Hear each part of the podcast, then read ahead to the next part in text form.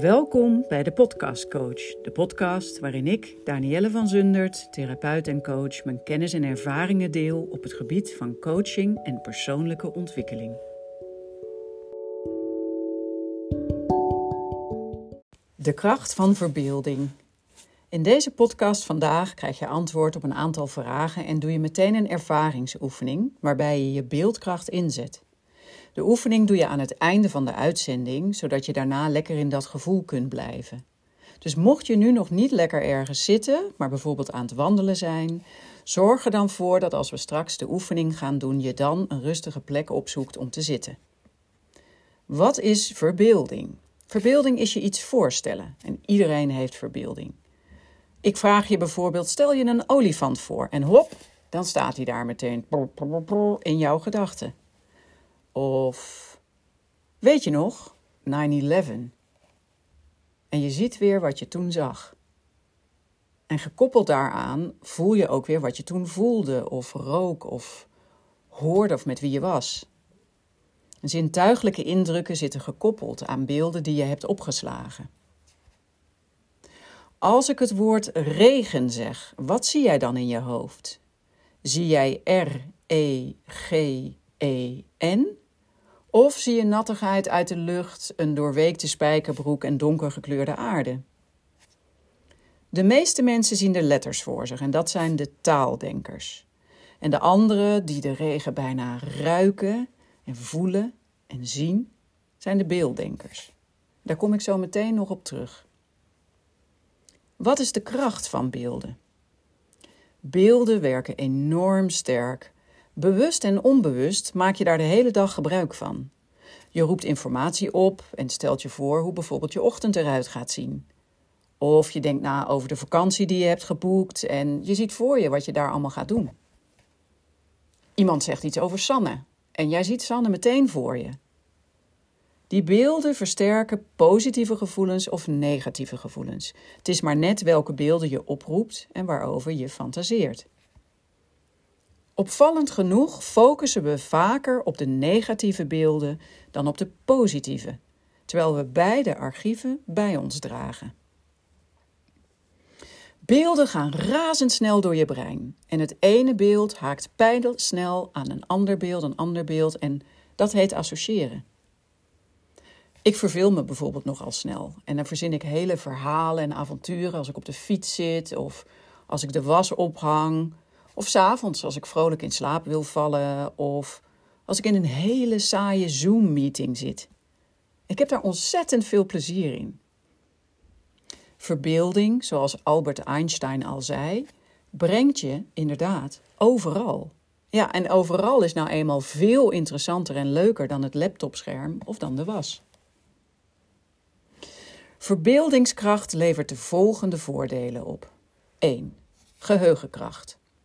Het grootste deel van ons geheugen bestaat niet uit woorden, maar uit beelden. En door je verbeeldingskracht aan te scherpen, doe je veel beter aanspraak op die enorme bron van informatie. 2. Informatieverwerkingskracht. Een beeld zegt meer dan duizend woorden. Met beelden verwerken we veel meer informatie, veel sneller en leggen we sneller en makkelijker verbanden tussen al deze informatie.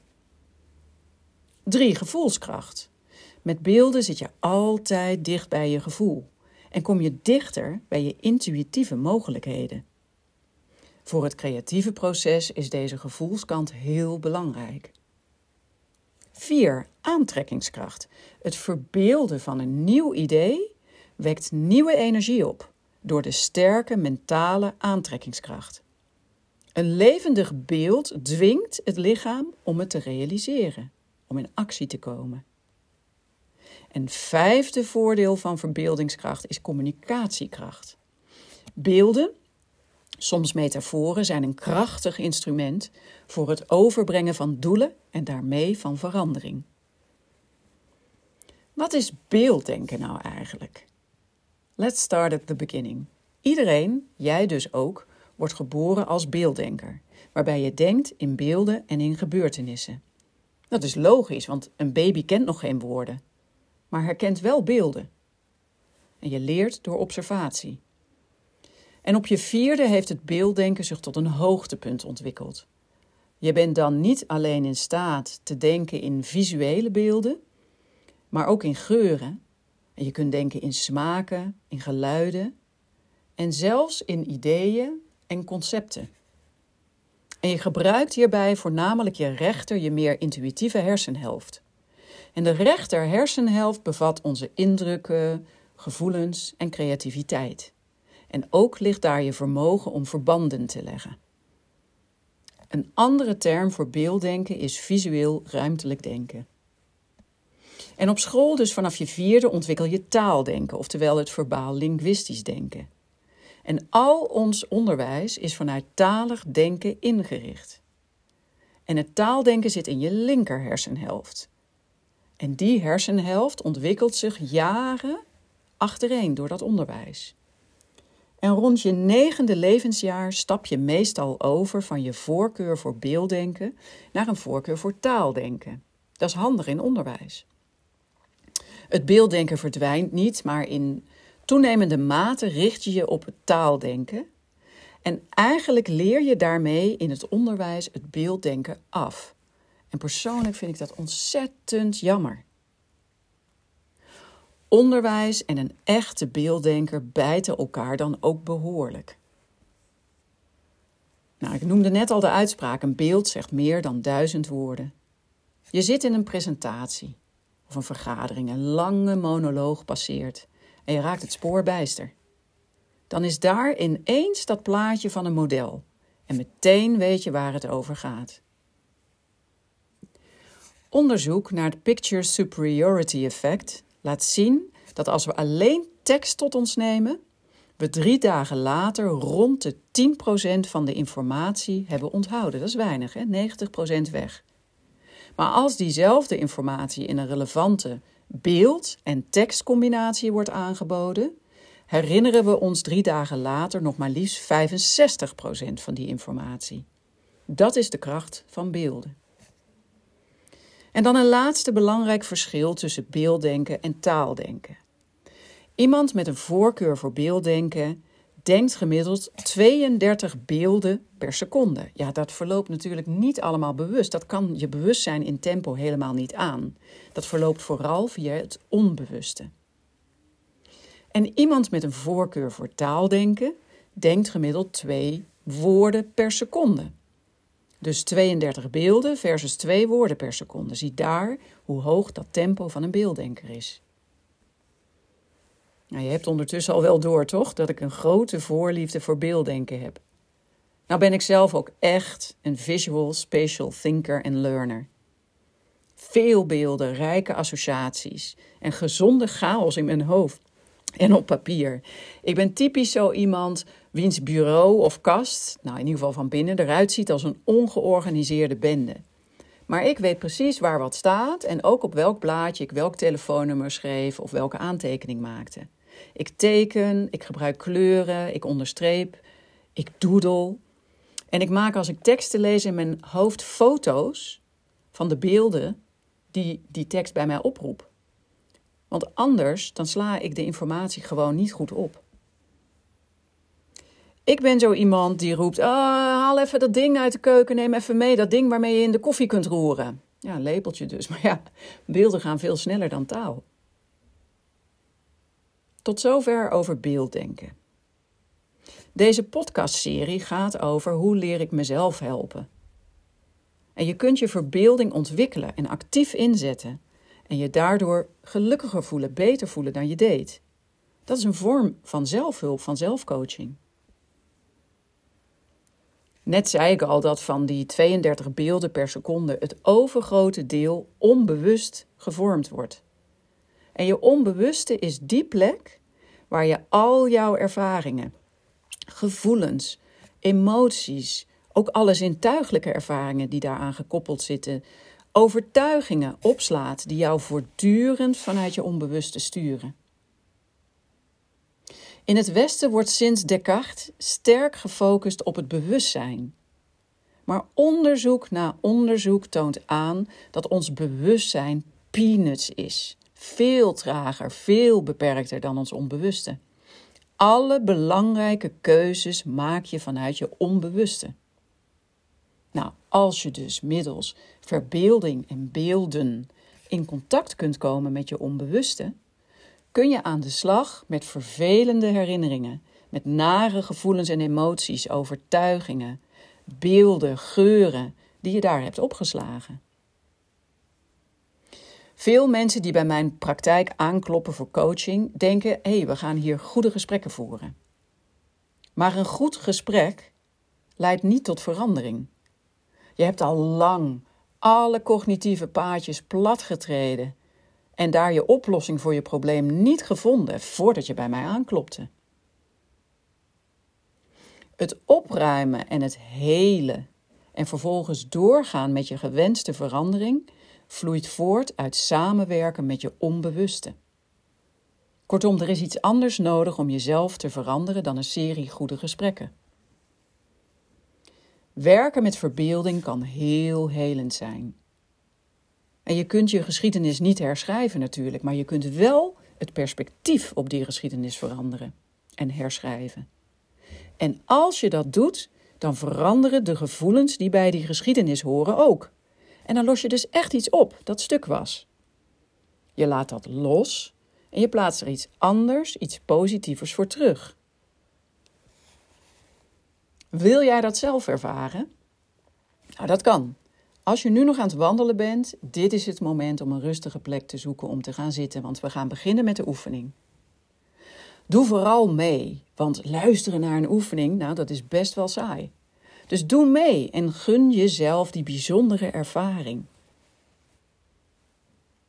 Zorg dat je goed zit en je kunt niks verkeerd doen. Het enige wat je doet is luisteren naar wat ik je vraag en je verbeelding gebruiken. En deze oefening heeft een A, een B en een C-deel. Oké. Sluit je ogen. En roep een naar gevoel op waar je nog hinder van hebt. Dat hoeft niet meteen je grootste trauma te zijn. Start liever met iets kleiners, want ja, je gaat er nu voor het eerst mee oefenen. En plaats jezelf weer in gedachten in die situatie waarbij je dit gevoel hebt opgedaan. Zie wat je ziet, hoor wat je daar hoorde en voel wat je daar voelde. Op een schaal van 0 tot 10, waarbij 10 heel intens is, welk cijfer geef jij nu aan dit nare gevoel? Waar in je lichaam voel jij dit gevoel het meest? En geef het gevoel nu een kleur. De eerste kleur die bij je opkomt is prima. Zoom in op dat gevoel. Welke beweging maakt dit gevoel? Draait het? Of klopt het? Waait het van binnen naar buiten uit? Of gaat het van boven naar beneden of van links naar rechts? Of iets anders? Dus welke beweging maakt dit gevoel? Ik tel zo tot drie en op drie vraag ik je om in gedachten dit nare gevoel met die kleur en met die beweging beet te pakken en buiten je lichaam te plaatsen, alsof je het voor jezelf neerzet in de ruimte waar je bent. 1, 2, 3. Pak het gevoel beet en plaats het buiten je lichaam. Geef dit gevoel buiten je lichaam nu een andere kleur, de eerste kleur die bij je opkomt. En draai de beweging van dit gevoel om. Dus bewoog het net van boven naar beneden, dan beweegt dit nieuwe gevoel van beneden naar boven. Draai het gevoel nu om. Ik tel weer tot drie en als ik bij drie ben, dan vraag ik je om in gedachten dit nieuwe gevoel beet te pakken en terug te plaatsen op dezelfde plek in je lichaam als waar het oude gevoel net zat. 1, 2, 3 en pak het beet en plaats het terug. Dit was onderdeel A. Onderdeel B start met de vraag om een goed gevoel op te roepen.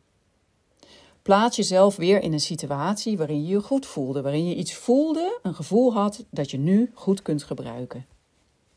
En zoom in op de details. Zie wat je daar toen zag, Hoor wat je daar hoorde. Misschien Proefde je iets of rook je iets? Voel wat je daar voelde en neem de details helemaal op. Waar in je lichaam voel je dit goede gevoel nu het meest?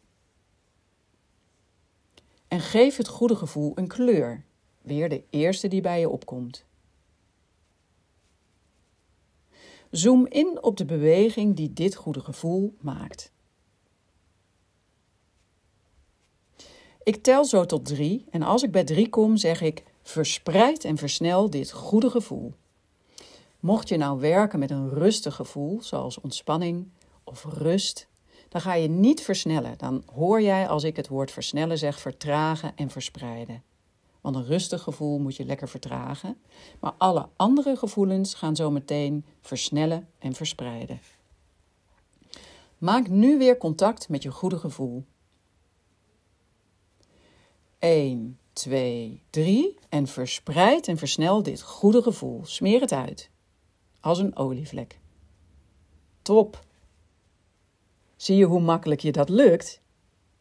Dat doen we nog een keer. Maak weer contact met je goede gevoel. 1, 2, 3 en verspreid en versnel dit goede gevoel. Je vult er je hele lichaam mee op. Dat hoeft niet in één keer, maar dat is het doel. Jezelf helemaal te vullen met dit goede gevoel. Dit was het B-gedeelte. En in C ga je dit goede gevoel verankeren. En dat is belangrijk, want zonder anker drijft je goede gevoel snel weer weg. Een anker is een externe prikkel die zorgt voor een interne verandering. Bijvoorbeeld, ik geef jou een schouderklopje, externe prikkel, jij voelt je trots, interne verandering. Een anker kan van alles zijn: een beeld, ehm, een flart muziek of iets fysieks. Maar ik heb voor het gemak, voor deze podcast, twee ankers voor je uitgekozen. Dus kies zo meteen een van deze twee ankers. Een anker kan bijvoorbeeld zijn: je wiebelt even met je tenen. En een ander anker kan zijn: je geeft jezelf een kneepje in je vinger. Kies nu een van deze twee ankers, dus wiebelen met je tenen of een kneepje in je vinger. Ik tel zo een aantal keer tot drie en elke keer zeg ik weer verspreid en versnel je goede gevoel. Maar vlak voordat je de top van de verspreiding hebt bereikt, plaats je je anker en je houdt dat vijf tellen vast voordat je het laat oplossen. Dit doen we best vaak, want ja, we willen heel graag dat dat goede gevoel toeneemt en diep in je brein inslijt. Tune weer in op je goede gevoel. 1, 2, 3. Verspreid en versnel je goede gevoel. En plaats vlak voor de top je anker. En houd dit vijf tellen vast voordat je het weer loslaat.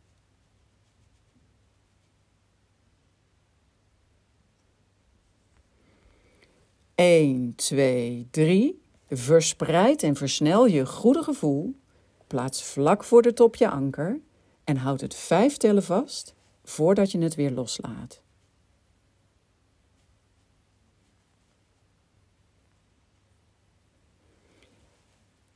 1, 2, 3. Verspreid en versnel je goede gevoel. En vlak voor de top plaats jij je anker. Dat houdt je vijf tellen vast voordat je het weer loslaat.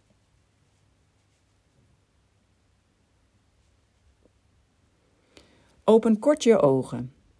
Wat is het laatste dat je vandaag hebt gegeten? En sluit je ogen weer. We gaan meteen weer verder. Je zult merken dat het nu nog sneller gaat. 1, 2, 3. Verspreid en versnel je goede gevoel. Plaats vlak voor de top je anker en houd het vijf tellen vast voordat je het weer loslaat.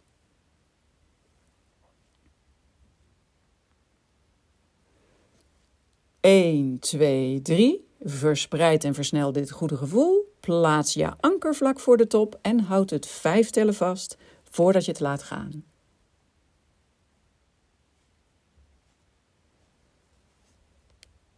En de laatste keer. 1, 2, 3. Verspreid en versnel je goede gevoel. Plaats vlak voor de top je anker. Houd het vijf tellen vast voordat je het laat gaan.